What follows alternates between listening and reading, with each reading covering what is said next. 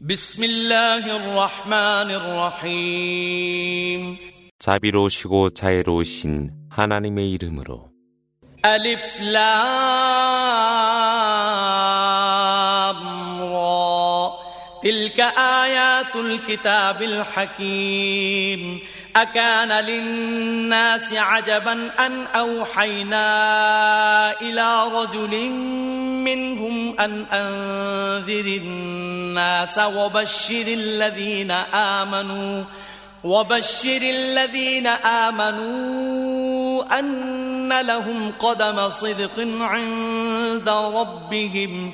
قال الكافرون إن هذا لساحر مبين. إن ربكم الله الذي خلق السماوات والأرض في ستة أيام ثم استوى على العرش يدبر الأمر. ما من شفيع إلا من بعد إذنه. ذلكم الله ربكم فاعبدوه. أفلا تذكرون. 알리프 람라. 이것들은 지혜로운 성전의 말씀들이라. 하나님이 그들 중 한 사람에게 계시를 내리어 백성들에게 경고하도록 한 것이 그들을 놀라게 하였단 말이뇨. 믿는 자들에게는 복음을 전하라. 그들은 주님 앞에서 높은 진리의 위치를 확보하고 있노라. 그러나 불신자들은 이것을 분명한 마술이라고 말하더라. 너희 주님 하나님은 6일 동안의 천지를 창조하시고 권자로 올라 만물을 주관하시더라. 그분의 허락 없이는 중재자가 없으니 그분이 하나님이요 너희 주님이라. 그분을 경배하라. 그래도 너희는 상기하지 않느뇨. إليه مرجعكم جميعا وعد الله حقا إنه يبدأ الخلق ثم يعيده ليجزي الذين آمنوا وعملوا الصالحات بالقسط. والذين كفروا لهم شراب من حميم وعذاب أليم بما كانوا يكفرون. هو الذي جعل الشمس ضياء والقمر نورا وقدره منازل لتعلموا عدد السنين والحساب ما خلق الله ذلك إلا بالحق يفصل الآيات لقوم يعلمون 너희 모두는 그분에게 귀하니 이는 하나님의 약속이라. 그분은 창조를 계시하고 그런 다음 그것을 반복하사 믿음으로 선을 행하는 자에게는 공정한 보상이 있게 하시며 불신자들에겐 이글거리는 물을 마시게 하니 이것은 그들이 불신한 것에 대한 고통스러운 징벌이라.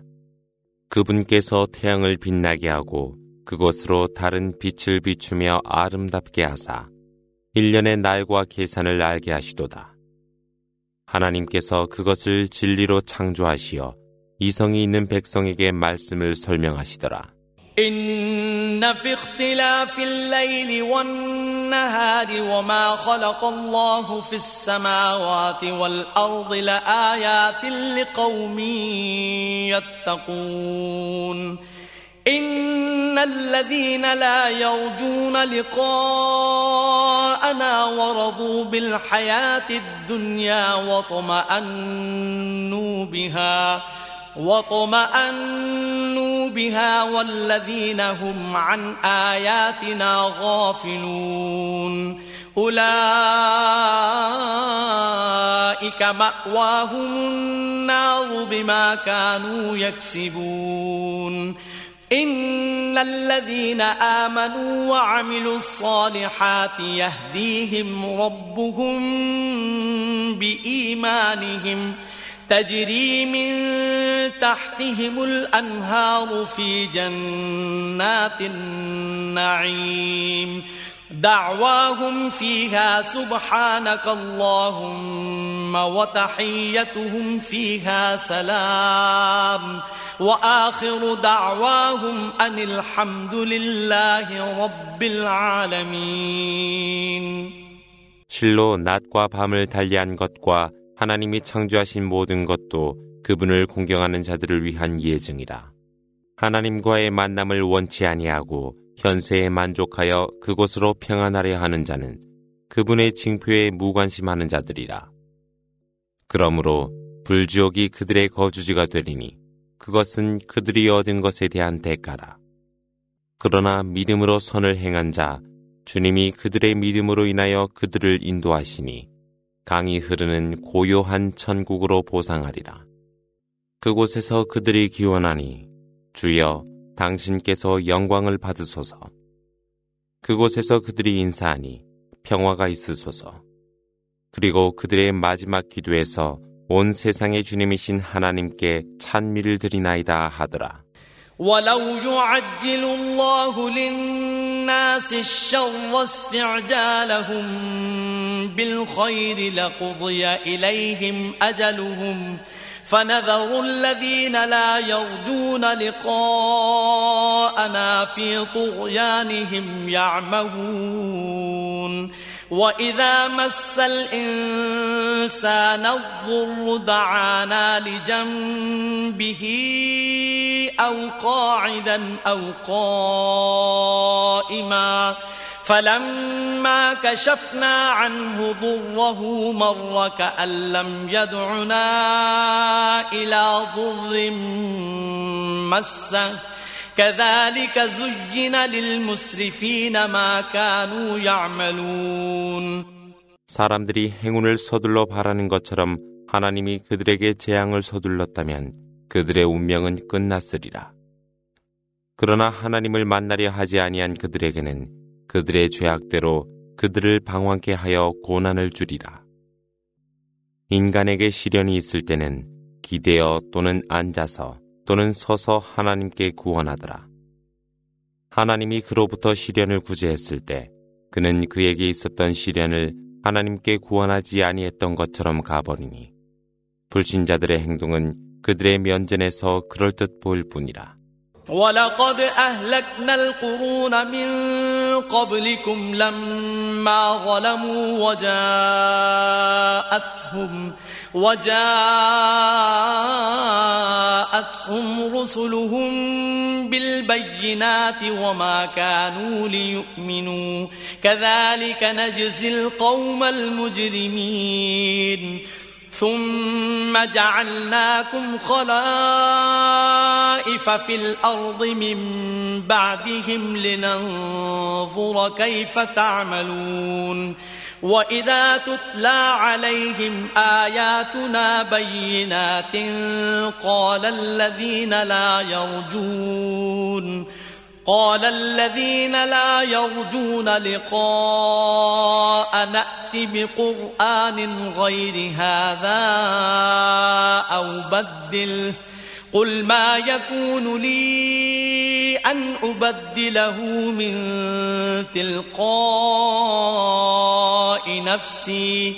إن أتبع إلا ما يوحى إلي. إني أخاف إن عصيت ربي عذاب يوم عظيم 하나님은 너희 이전의 세대를 멸망케 하였으니 이는 그들이 우매한 짓을 했을 때라. 그들의 선지자들이 말씀으로 그들에게 이르렀으나 그들이 믿지 아니하였더라. 이처럼 하나님은 죄 지은 그들에게 보상하니라. 그 후 하나님은 너희를 지상의 상속인으로 하였으니 너희가 어떻게 행동함을 보리라. 그들에게 하나님의 말씀이 낭송될 때 그분과의 만남을 원치 아니한 자들이 말하길 이것 외에 다른 것을 낭송하시오. 아니면 이것을 바꾸라 말하니. 일러 가로되 내 스스로 내가 그것을 바꿀 수 없으며 나는 내게 계시된 것만을 따를 뿐이라. 만일 내가 주님께 거역한다면 무서운 벌이 있음을 두려워하니라. قل لو شاء الله ما تلوته عليكم ولا أدراكم به فقد لبثت فيكم عمرا من قبله أفلا تعقلون فمن أظلم ممن افترى على الله كذبا أو كذب بآياته إنه لا يفلح المجرمون 일러 가로되 만일 하나님께서 원하셨다면 나는 너희에게 그것을 낭송하지 아니했으리라. 또한 그분은 그것을 너희에게 알리려 하지도 아니하였으리라. 내가 너희와 함께 얼마나 체류하였는지 너희는 알지 못하느뇨.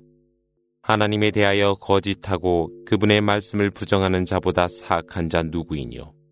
실로 죄인들은 번성하지 못하리라. ويعبدون من دون الله ما لا يضرهم ولا ينفعهم ما لا يضرهم ولا ينفعهم ويقولون هؤلاء شفعاؤنا عند الله. قل أتنبئون الله بما لا يعلم في السماوات ولا في الأرض سبحانه وتعالى عما يشركون. وما كان الناس إلا أمة واحدة فاختلفوا ولولا كلمة سبقت من ربك لقضي بينهم فيما فيه يختلفون ويقولون لولا أنزل عليه آية من ربه فقل إنما الغيب لله فانتظروا إني معكم من المنتظرين 그들은 하나님 외에 다른 것을 숭배하나니 이것들은 해치지도 못하고 그들에게 도움도 주지 못하니라. 이들이 하나님 앞에서 말하길 이들은 우리의 중재자들이라. 일러 가로되 너희는 천지에 있는 것 중 그분이 알지 못하는 것이 있는지 하나님께 말할 수 있느뇨. 그분을 칭송하라. 그분은 그들이 숭배하는 것 위에 계시니라. 인간은 최초의 하나의 공동체였으나 후에 그들이 스스로 갈라졌더라. 만일 그대의 주님으로부터 말씀이 없었더라면 그들의 갈라짐으로 인하여 그들 사이에 판결이 있었으리라. 이때 그들이 주님으로부터 그대에게 예증이 없느냐라고 말하니 일러 가로되 실로 보이지 않는 것은 하나님께 있나니 기다리라 실로 나도 너희와 함께 기다리고 있노라. أذقنا الناس رحمة من بعد ضراء مستهم من بعد ضراء مستهم إذا لهم مكر في آياتنا قل الله أسرع مكرا إن رسلنا يكتبون ما تمكرون. هو الذي يسيركم في البر والبحر حتى إذا كنتم في الفلك وجرين بهم بريح طيبة وفرحوا بها وفرحوا بها جاءتها ريح عاصف وجاءهم الموج وجاءهم الموج من كل مكان وظنوا أنهم أحيط بهم وظنوا أنهم أحيط بهم دعوا الله مخلصين له الدين لئن أنجيتنا من هذه لنكونن من الشاكرين 또한 그들에게 고난이 있었을 때 하나님은 그들에게 은혜를 베풀었습니다. 그러나 그들이 말씀에 음모하니 일러 가로되 하나님은 보다 빠르신 계획자이시며 그분의 선지자들이 그들이 음모하는 것들을 기록함이라. 너희로 하여금 육지와 바다를 건너게 하는 분이 그분이시라. 이는 너희가 바다에서 순풍을 타고 항해하며 그것으로 기뻐하였으며 그 후 폭풍우가 오고 파도가 모든 곳에서 일어나 그들이 전복되리라 생각될 때는 하나님께 구원하며 만일 당신이 저희를 구하여 주신다면 저희는 진실로 감사하겠나이다 라고 하더라.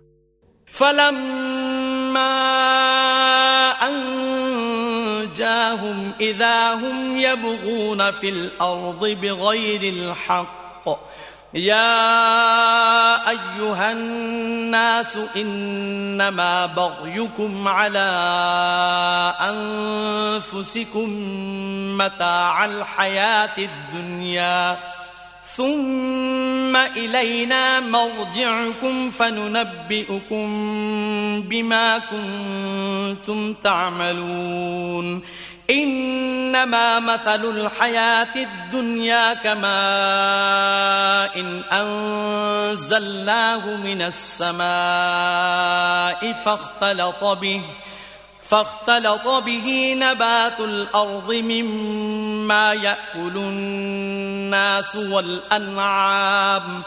حتى إذا أخذت الأرض زخرفها وزينت وظن أهلها وزينت وظن أهلها أنهم قادرون عليها أتاها.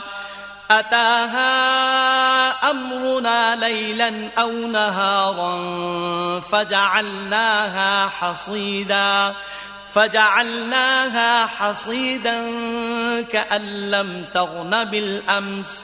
كذلك نفصل الآيات لقوم يتفكرون. والله يدعو إلى دار السلام ويهدي من يشاء إلى صراط مستقيم 그들을 구제하였을 때 보라 그들은 다시 거역하며 지상에서 욕되게 하더라 백성들이여 이는 현세의 환희에 불과하니 너희는 하나님에게로 돌아올 때 너희에게 너희가 행한 것들을 상기시켜 주리라. 현세의 삶을 비유함에 그것은 하나님이 하늘에서 내리게 한 물과 같으니 그것으로 배합하여 채소를 일구매 사람과 동물이 먹어 사라지는 것과 같으나 그들은 그것으로 유용함이라 생각하고 있더라. 그러나 하나님은 그것을 밤이나 혹은 낮에 멸망케 하여 어제가 풍성하지 아니했던 것처럼 수확을 하게 하였으니 생각하는 백성들을 위하여 징표들을 설명하노라. 그러나 하나님은 평화의 집으로 불러 그분이 원하시는 이들을 옳은 길로 인도하시니라.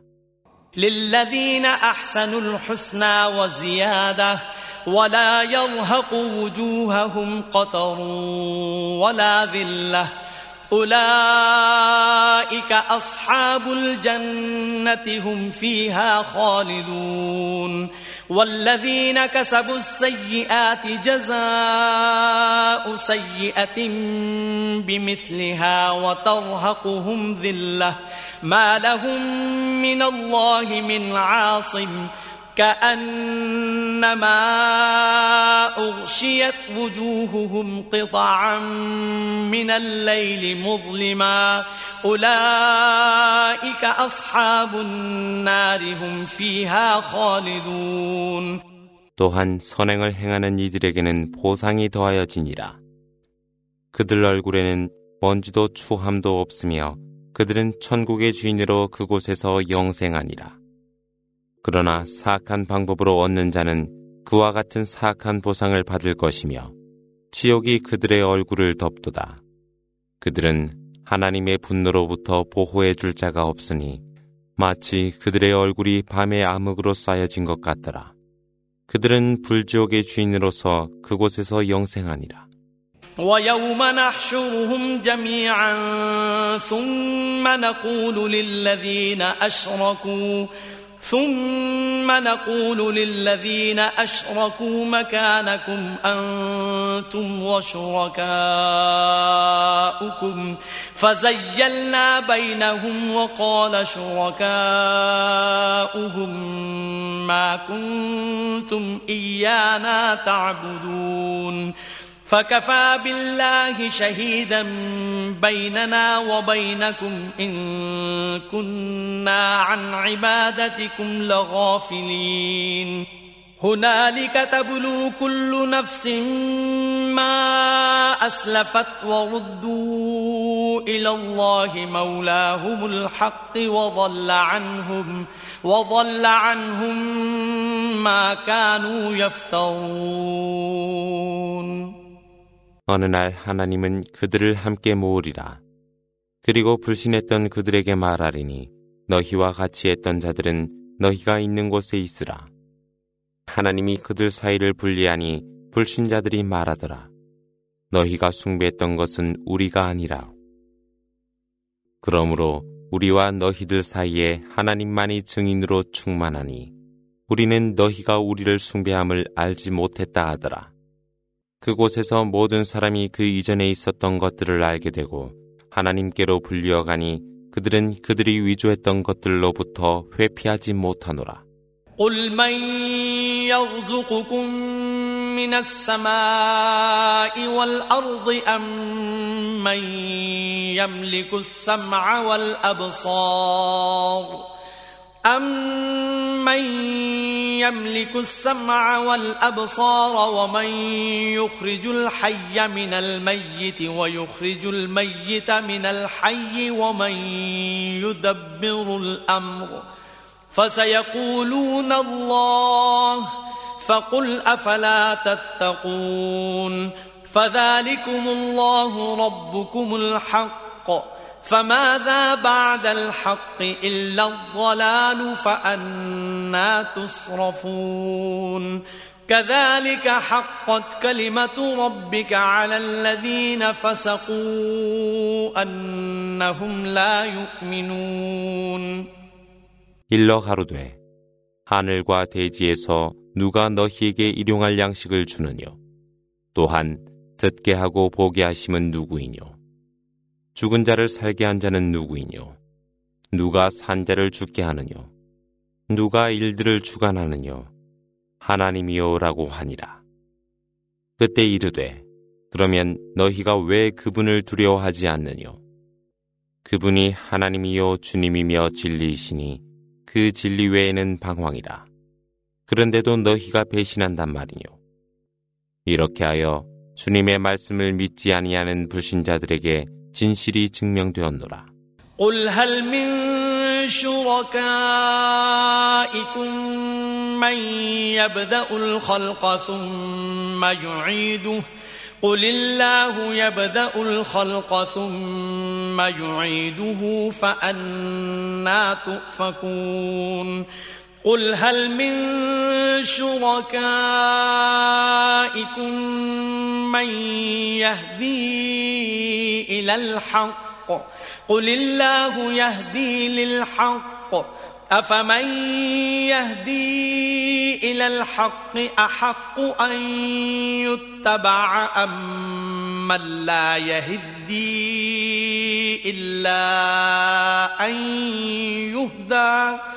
فما لكم كيف تحكمون وما يتبع أكثرهم إلا ظنا إن الظن لا يغني من الحق شيئا إن الله عليم بما يفعلون 일러 가로되 너희 동반자들 가운데 창조하여 거두는 자가 있느뇨 물어보라. 또 일러 가로되 하나님이 창조하시고 또 거두심에 어떻게 거역하려 하느뇨. 일러 가로되 너희 동반자들 가운데 진리를 인도하는 자가 있느뇨. 일러 가로되 하나님이 진리로 인도하심이라. 그러므로 진리로 인도하시는 분을 따르겠느뇨. 아니면 진리로 인도하지 못하는 것을 따르겠느뇨? 너희는 어떠하뇨? 어떻게 판정하느뇨? 그러나 그들 대다수는 따르지 아니하고 공상에 집착하니 실로 그 공상은 진리에서 벗어나 무용할 뿐이라. 실로 하나님은 그들이 행하는 모든 것을 알고 계시니라. وما كان هذا القرآن أن يفترى من دون الله ولكن تصديق الذي بين يديه وتفصيل الكتاب وتفصيل الكتاب لا ريب فيه من رب العالمين أم يقولون افتراه قل فأتوا بسورة مثله وادعوا من استطعتم من دون الله إن كنتم صادقين 이 꾸라는 하나님이 아닌 다른 것으로 인하여 있을 수 없으며 이전에 계시된 것을 확증하고 그 성서의 말씀을 설명하기 위해 계시되었으니 이는 만유의 주님으로부터 온 것이 틀림없노라. 그가 그것을 위조하였다 말하더뇨. 일러 가로되 너희가 진정 진실한 자들이라면 그와 같은 말씀을 가져오라 하고 너희의 힘을 다하여 하나님 외에 구원을 하여 보라. بل كذبوا بما لم يحيطوا بعلمه ولما يأتهم تأويله. كذلك كذب الذين من قبلهم. فانظر كيف كان عاقبة الظالمين. ومنهم من يؤمن به ومنهم من لا يؤمن به. وربك أعلم بالمفسدين 그러나 그들은 거짓하며 또한 알지 못하더라. 또한 해명도 그들에게 이르지 못하더라. 이처럼 그들 이전의 백성들도 거짓하였으니 우매한 자들의 말로가 어떻게 되겠느뇨? 그들 가운데 믿는 자가 있고 그들 가운데 믿지 아니한 자가 있으나 그대의 주님은 해악자들을 알고 계심이라. وإن كذبوك فقل لي عملي ولكم عملكم أنتم بريئون مما أعمل وأنا بريء مما تعملون ومنهم من يستمعون إليك أفأنت تسمع الصم ولو كانوا لا يعقلون ومنهم من ينظر إليك أفأنت تهدي العمي ولو كانوا لا يبصرون إن الله لا يظلم الناس شيئا ولكن الناس أنفسهم يظلمون 만일 그들이 그대에게 거짓한다면 일러 가로되 내게는 나의 일이 있고 너희에겐 너희의 일이 있으니 너희는 내가 하는 일에 책임이 없으며 나는 너희가 하는 일에 책임이 없다 하라. 그들 가운데 그대에게 귀를 기울인 자 있으나 귀 먹으리요. 이성이 없는 그들로 하여금 그대는 듣게 할 수 있겠느뇨. 그들 가운데 그대에게 시선을 돌린 자 있으나 장님이며 보지 못하는 그들로 하여금 그대는 보게 할 수 있느뇨. 실로 하나님은 백성을 조금도 우매케 하지 아니하시나 사람들 스스로가 우매하더라. ويوم يحشرهم كأن لم يلبثوا إلا ساعة من النهار يتعارفون بينهم قد خسر الذين كذبوا بلقاء الله وما كانوا مهتدين وإما نرينك بعض الذي نعدهم أو نتوفينك فإلينا مرجعهم فإلينا مرجعهم ثم الله شهيد على ما يفعلون ولكل أمة رسول فإذا جاء رسولهم قضي بينهم بالقسط وهم لا يظلمون ويقولون متى هذا الوعد إن كنتم صادقين 어느 날 그분은 그들이 한낮의 순간에 살았던 것처럼 그들을 모이게 하시니 그들은 서로가 서로를 알게 되고 하나님의 만남을 부정하는 자들은 손실을 보게 되며 인도받지 못하니라. 하나님이 그들에게 약속한 벌을 그대에게 보여주거나 아니면 그들을 임종케 한다 하더라도 그들은 하나님께로 귀의함에 하나님은 그들이 행한 모든 것의 증인이니라. 각 민족의 선지자가 보내어져 그들에게 이르렀으니 그들은 정당하게 심판될 것이며 부정하게 다루어지지 아니하니라. 그들이 말하길 그대가 진실이라면 언제 이 약속이 오느냐라고 묻더라. قل لا أملك لنفسي ضرا ولا نفعا إلا ما شاء الله لكل أمة أجل إذا جاء أجلهم فلا يستأخرون ساعة ولا يستقدمون. قل أرأيتم إن أتاكم عذابه بياتا أو نهارا ماذا يستعجل منه المجرمون؟ أثم إذا ما وقع آمنتم به الآن وقد كنتم به تستعجلون. ثم قيل للذين ظلموا ذوقوا عذاب الخلد هل تجزون إلا بما كنتم تكسبون. ويستنبئونك أحق هو قل إي وربي إنه لحق وما أنتم بمعجزين 일러 가로되 나 자신을 해치는 것도 그리고 유용케 하는 것도 내게 없으니 그것은 하나님의 뜻에 달렸노라. 각 민족에는 정하여진 시간이 있나니 그 시간이 도래하면 지체하거나 서두르지 못하니라. 일러 가로되 너희는 생각해 보았느뇨. 하나님의 벌이 낮에나 혹은 밤에 너희에게 이를 때 죄인들이 그것으로 서둘러 유용함이 무엇이겠느뇨. 그 시간이 너희에게 도래하였을 때야 믿겠느뇨. 너희는 이미 서둘러 불신을 재촉했노라. 드디어 죄 지은 그들에게 말씀이 있었으니 영원한 벌을 맛볼지니 이는 너희가 이미 얻었던 보상이 아니더뇨. 그들이 그대에게 그것이 진리더냐 물으니 일러 가로되 나의 주님께 맹세하나니 그것은 진리요 너희는 피할 수 없으리라.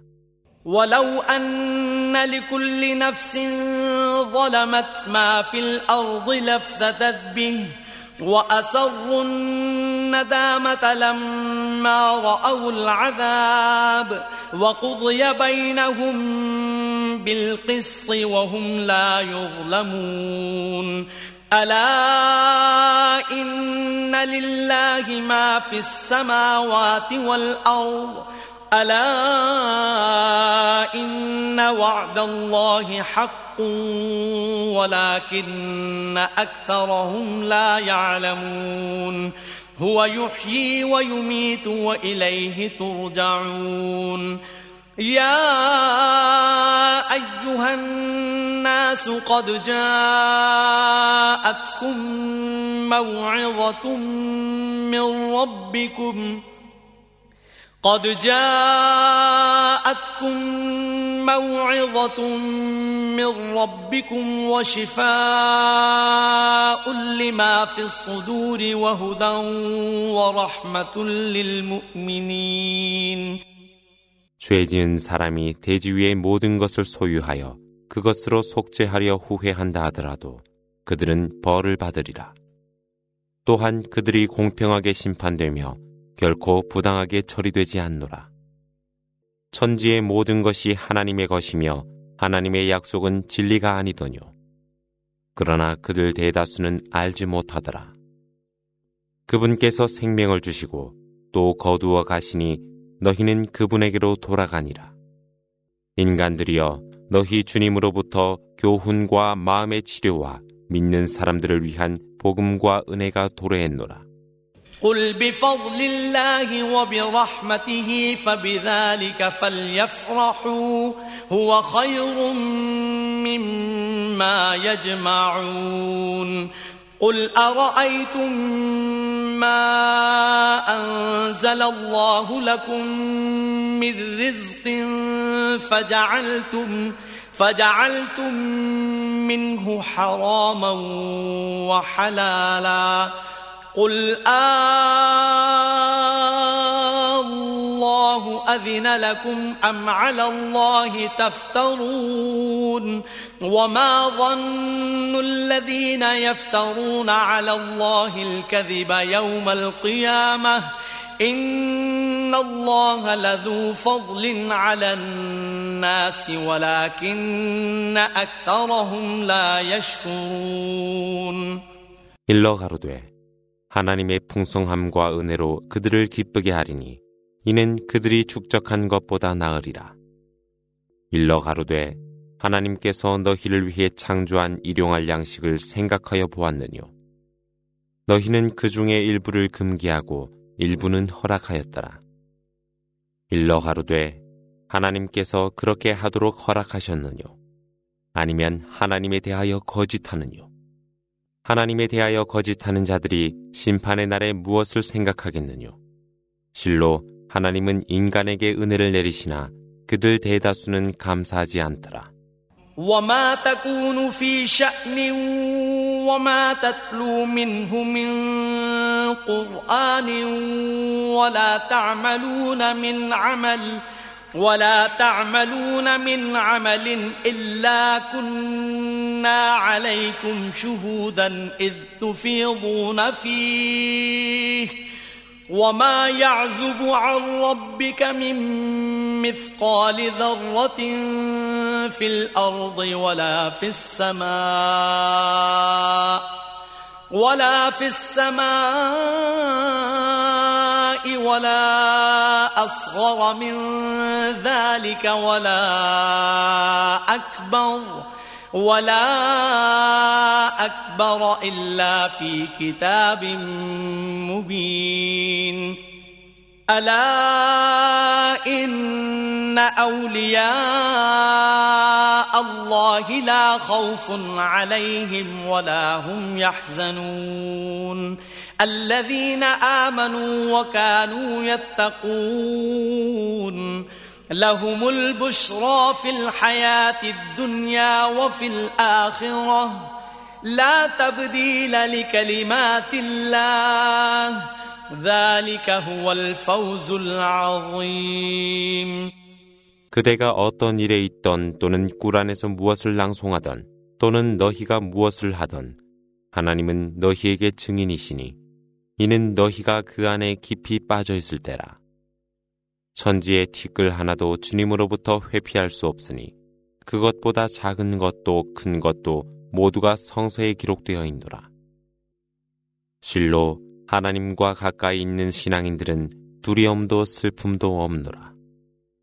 또한 믿음으로 의롭게 사는 그들에게는 현세와 내세에서 복이 있을 것이요 하나님의 말씀을 변조치 아니하니 그것이 위대한 승리라.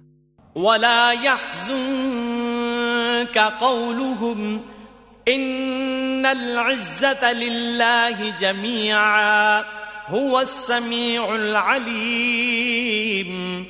ألا إن لله من في السماوات ومن في الأرض وما يتبع الذين يدعون من دون الله شركاء. إن يتبعون إلا الظن وإن هم إلا يخرصون هو الذي جعل لكم الليل لتسكنوا فيه والنهار مبصراً إن في ذلك لآيات لقوم يسمعون 그들의 얘기가 그들을 슬프지 않게 하리니 실로 모든 권능은 하나님께 있으며 그분은 들으심과 아심으로 충만하시니라. 보라, 천지의 모든 것이 하나님께 있지 않더뇨. 하나님 외에 다른 것을 숭배하는 그들은 억측을 따를 뿐이며 단지 거짓밖에는 못하더라. 하나님께서 너희를 위해 밤을 두사 너희가 휴식을 갖게 하미요. 낮을 두사 보도록 하였으니 실로 그 안에 예증이 있어 백성으로 하여금 경청토록 함이라.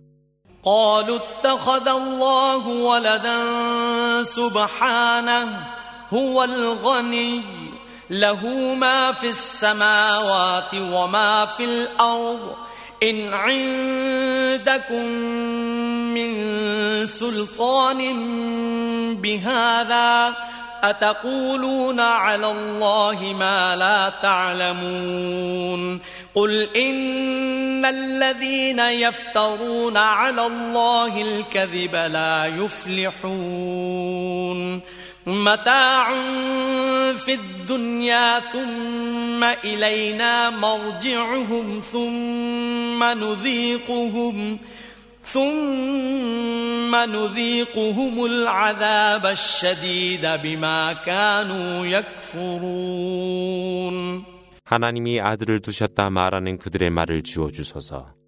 천지의 모든 것이 그분의 것으로 풍요하나니 그분은 아들이 필요치 아니함이라.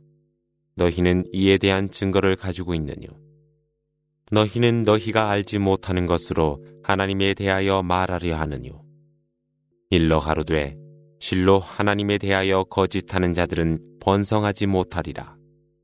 그들은 세상을 잠시 향락한 후 하나님께로 돌아오나니 그분은 그들이 불신한 것에 대하여 가혹한 벌을 맛보게 하리라. إذ قال لقومه يا قوم إن كان كبر عليكم مقامي وتذكيري بآيات الله فعلى الله فعلى الله توكلت فأجمعوا أمركم وشركاءكم ثم لا يكن أمركم عليكم غمّة. ثم لا يكن أمركم عليكم غمة ثم قضوا إلي ولا تنظرون فإن توليتم فما سألتكم من أجر إن أجري إلا على الله وأمرت أن أكون من المسلمين. فكذبوه فنجيناه ومن معه في الفلك وجعلناهم خلائف وجعلناهم خلائف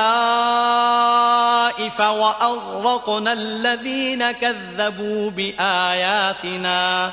فانظر كيف كان عاقبة المنذرين 그들에게 노아의 얘기를 들려주라. 그분은 그의 백성에게 말하였더라. 내가 너희와 머물러 너희에게 하나님의 말씀으로 충고함에 너희가 거만해한다 하여도 나는 하나님께 의탁하니라. 그러므로 너희의 일은 너희 우상과 결정하라. 그리하면 너희의 일들이 의심치 않게 될 것이니 너희가 원하는 대로 하되 나에게 여유를 주지 말라. 만일 너희가 거역한다 해도 나는 너희에게 보상을 요구치 않으리라. 나의 보상은 오로지 하나님 안에서 무슬림으로 있으라는 명령을 받았노라. 그러나 그들은 그를 부정하였으니 하나님은 그와 그리고 그와 함께 있었던 이들을 방주에 태워 구제하고 또한 그들은 후계자로 하였으며 하나님의 말씀을 부정한 자들을 물에 익사케 하니 보라 경고받은 자들의 결과가 어떻게 되겠느뇨 ثم بعثنا من بعده رسلا إلى قومهم فجاءوهم بالبينات فجاءوهم بالبينات فما كانوا ليؤمنوا بما كذبوا به من قبل.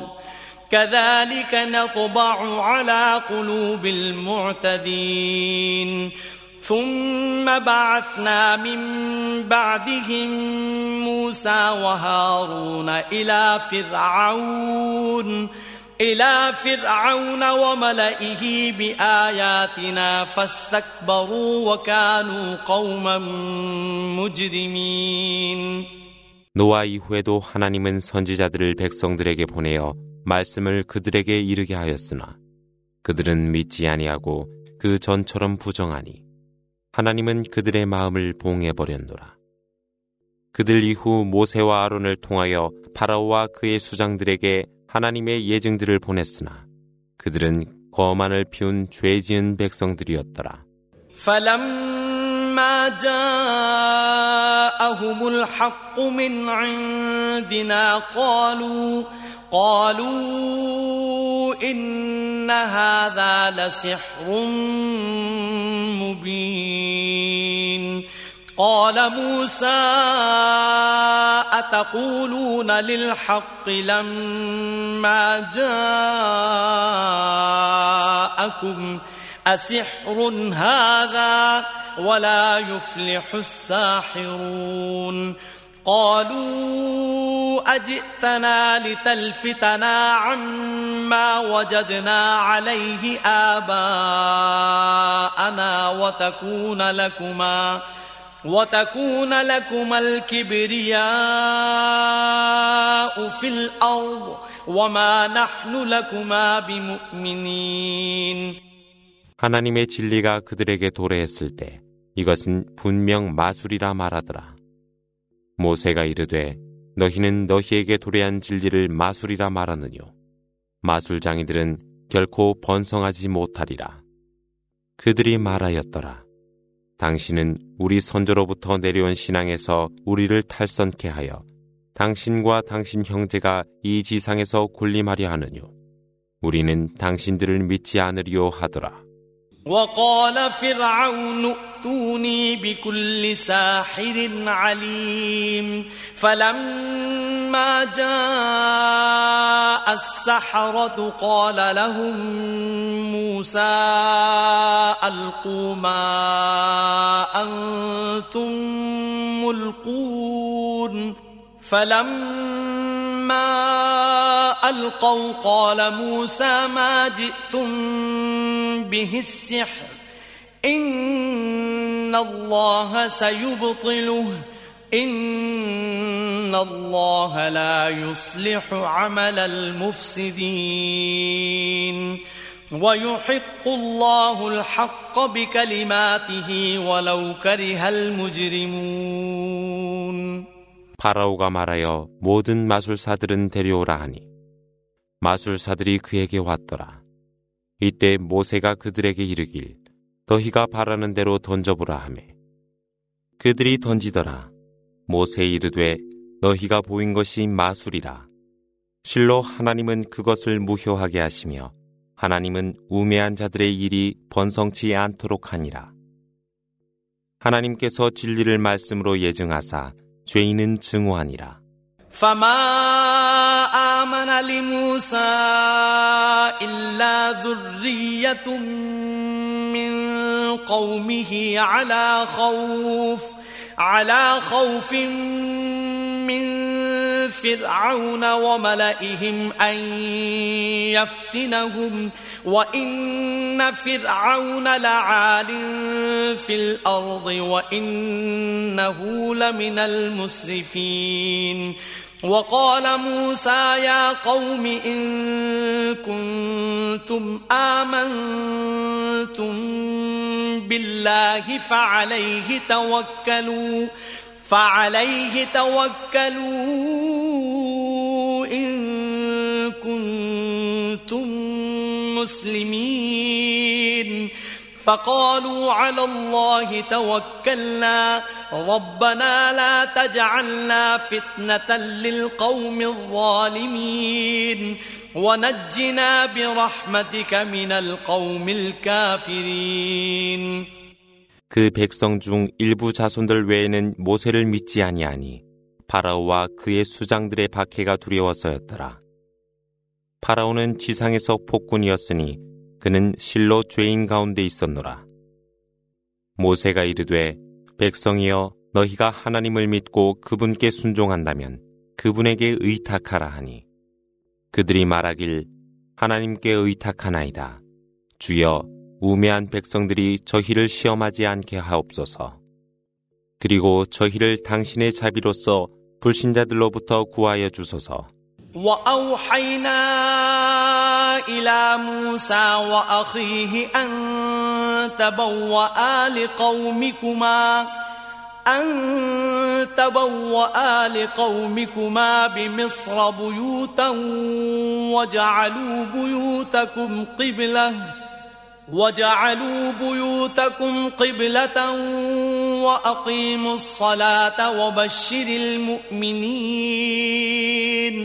وقال موسى ربنا إنك آتيت فرعون وملأه زينة وأموالا وأموالا في الحياة الدنيا ربنا ليضلوا عن سبيلك.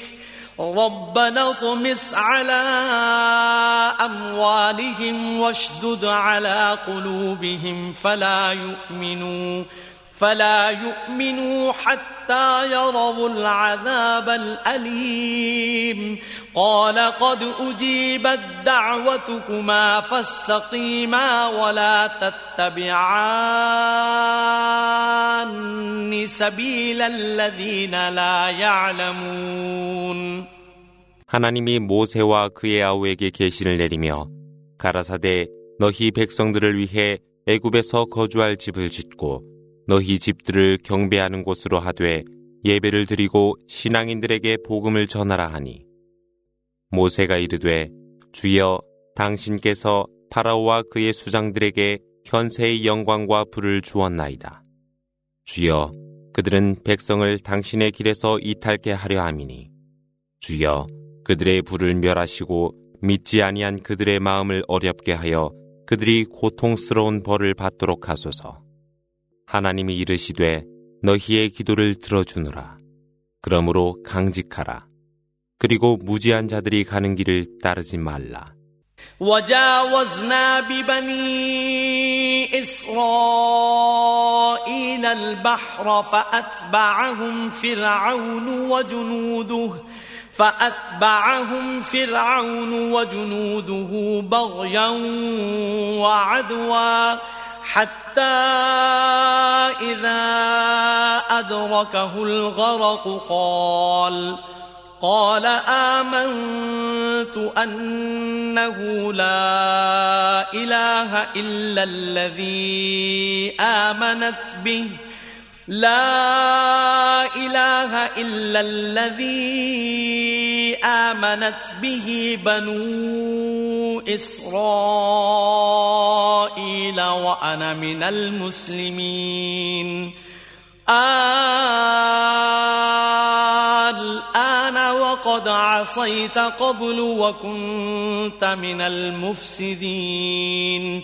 فاليوم ننجيك ببدنك لتكون لمن خلفك آية وإن كثيرا من الناس عن آياتنا لغافلون 하나님은 이스라엘 자손들이 바다를 건너게 하사 파라오와 그의 군대가 그들을 뒤쫓으나 홍수로 그들을 익사케 하니 그가 말하길 저는 이스라엘 자손이 믿는 신 외에는 다른 신을 믿지 않겠으며 저는 또한 순종하는 자 가운데 있겠나이다 하더라.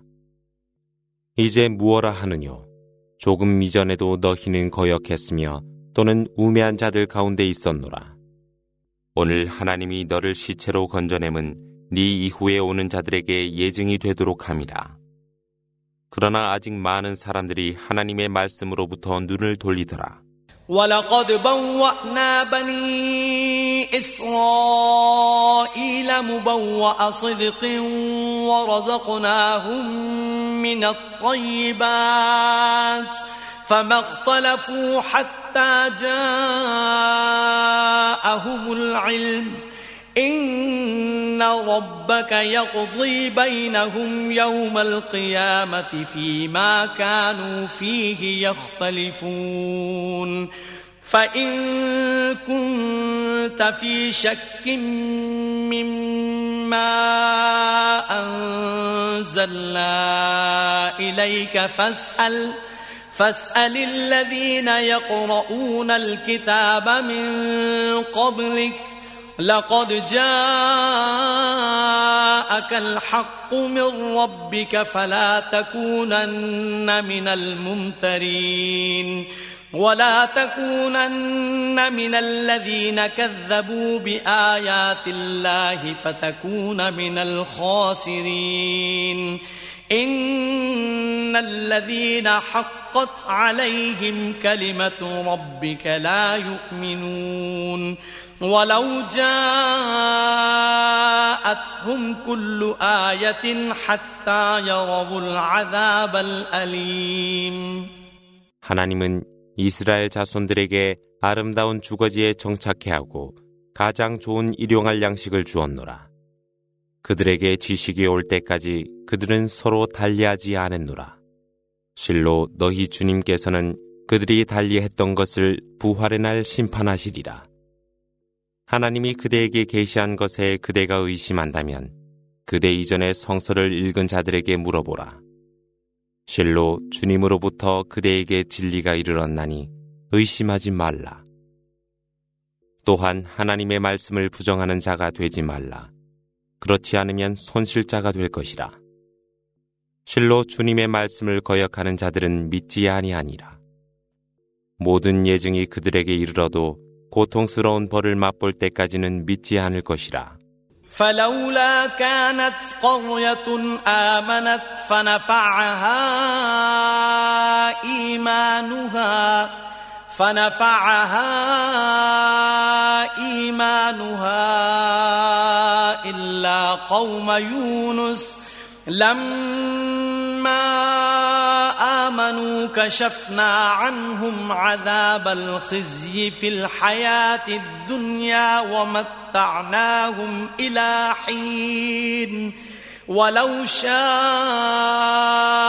ربك لآمن من في الأرض كلهم جميعا. أفأنت تكره الناس حتى يكونوا مؤمنين وما كان لنفس أن تؤمن إلا بإذن الله ويجعل الرجس على الذين لا يعقلون 멸망한 골 중 한 골이 회개하여 요나의 백성을 제외하고는 믿음을 갖게 하매 그들이 믿음을 갖고 하나님이 잠시 현세에서 벌을 거두어 그들로 잠시 기쁘게 하더라. 주님의 뜻이 있었다면 지상에 있는 그들 모두가 믿음을 가졌을 수도 있었으리라. 그대는 강요하여 백성들로 하여금 믿게 하려 하느뇨. 어느 누구도 하나님의 뜻이 아니고는 믿지 않으며 그분께서는 그들이 알지 못하는 벌을 그들에게 주시리라. ماذا في السماوات والأرض وما تغني الآيات والنذر عن قوم لا يؤمنون فهل ينتظرون إلا مثل أيام الذين خلوا من قبلهم قل فانتظروا إني معكم من المنتظرين ثم ننجي رسلنا والذين آمنوا كذلك حقا علينا ننجي المؤمنين 일러 가로되 천지의 모든 것을 보라. 그러나 말씀도 경고도 믿지 아니한 백성에게는 유용치 아니하니 그들은 이전에 지나갔던 선조들의 날들을 기다리느뇨 기다리라 일러 가로되 실로 나는 너희가 멸망함을 기다리고 있노라 그런 후 하나님께서 우리의 선지자들과 믿는 자들을 구제하리니 하나님은 반드시 믿는 자들을 구제하시니라. قل يا أيها الناس إن كنتم في شك من ديني إن كنتم في شك من ديني فلا أعبد الذين تعبدون فلا أعبد الذين تعبدون من دون الله ولكن أعبد الله ولكن أعبد الله الذي يتوفاكم وأمرت أن أكون من المؤمنين وأن أقم وجهك للدين حنيفاً ولا تكونن من المشركين ولا تدع من دون الله ما لا ينفعك ولا يضرك فإن فعلت فإنك إذا من الظالمين 일러 가로되 인간들이여 너희가 나의 종교에 의심하나 나는 너희가 하나님 외에 섬기는 우상을 숭배하지 아니하며 너희를 운명케 하시는 하나님을 믿어 믿는 자 가운데 있도록 명령을 받았노라. 그대 자신의 모든 것을 진실한 종교에 바치되 불신자가 되지 말라. 그리고 하나님 외에는 기원하지 말라. 그대에게 유익함도 해함도 없나니 그대가 그렇게 한다면 우매한 자 중에 있게 되니라. وإن يمسسك الله بضر فلا كاشف له إلا هو وإن يردك بخير فلا راد لفضله يصيب به من يشاء من عباده وهو الغفور الرحيم قل يا أيها الناس قد جاءكم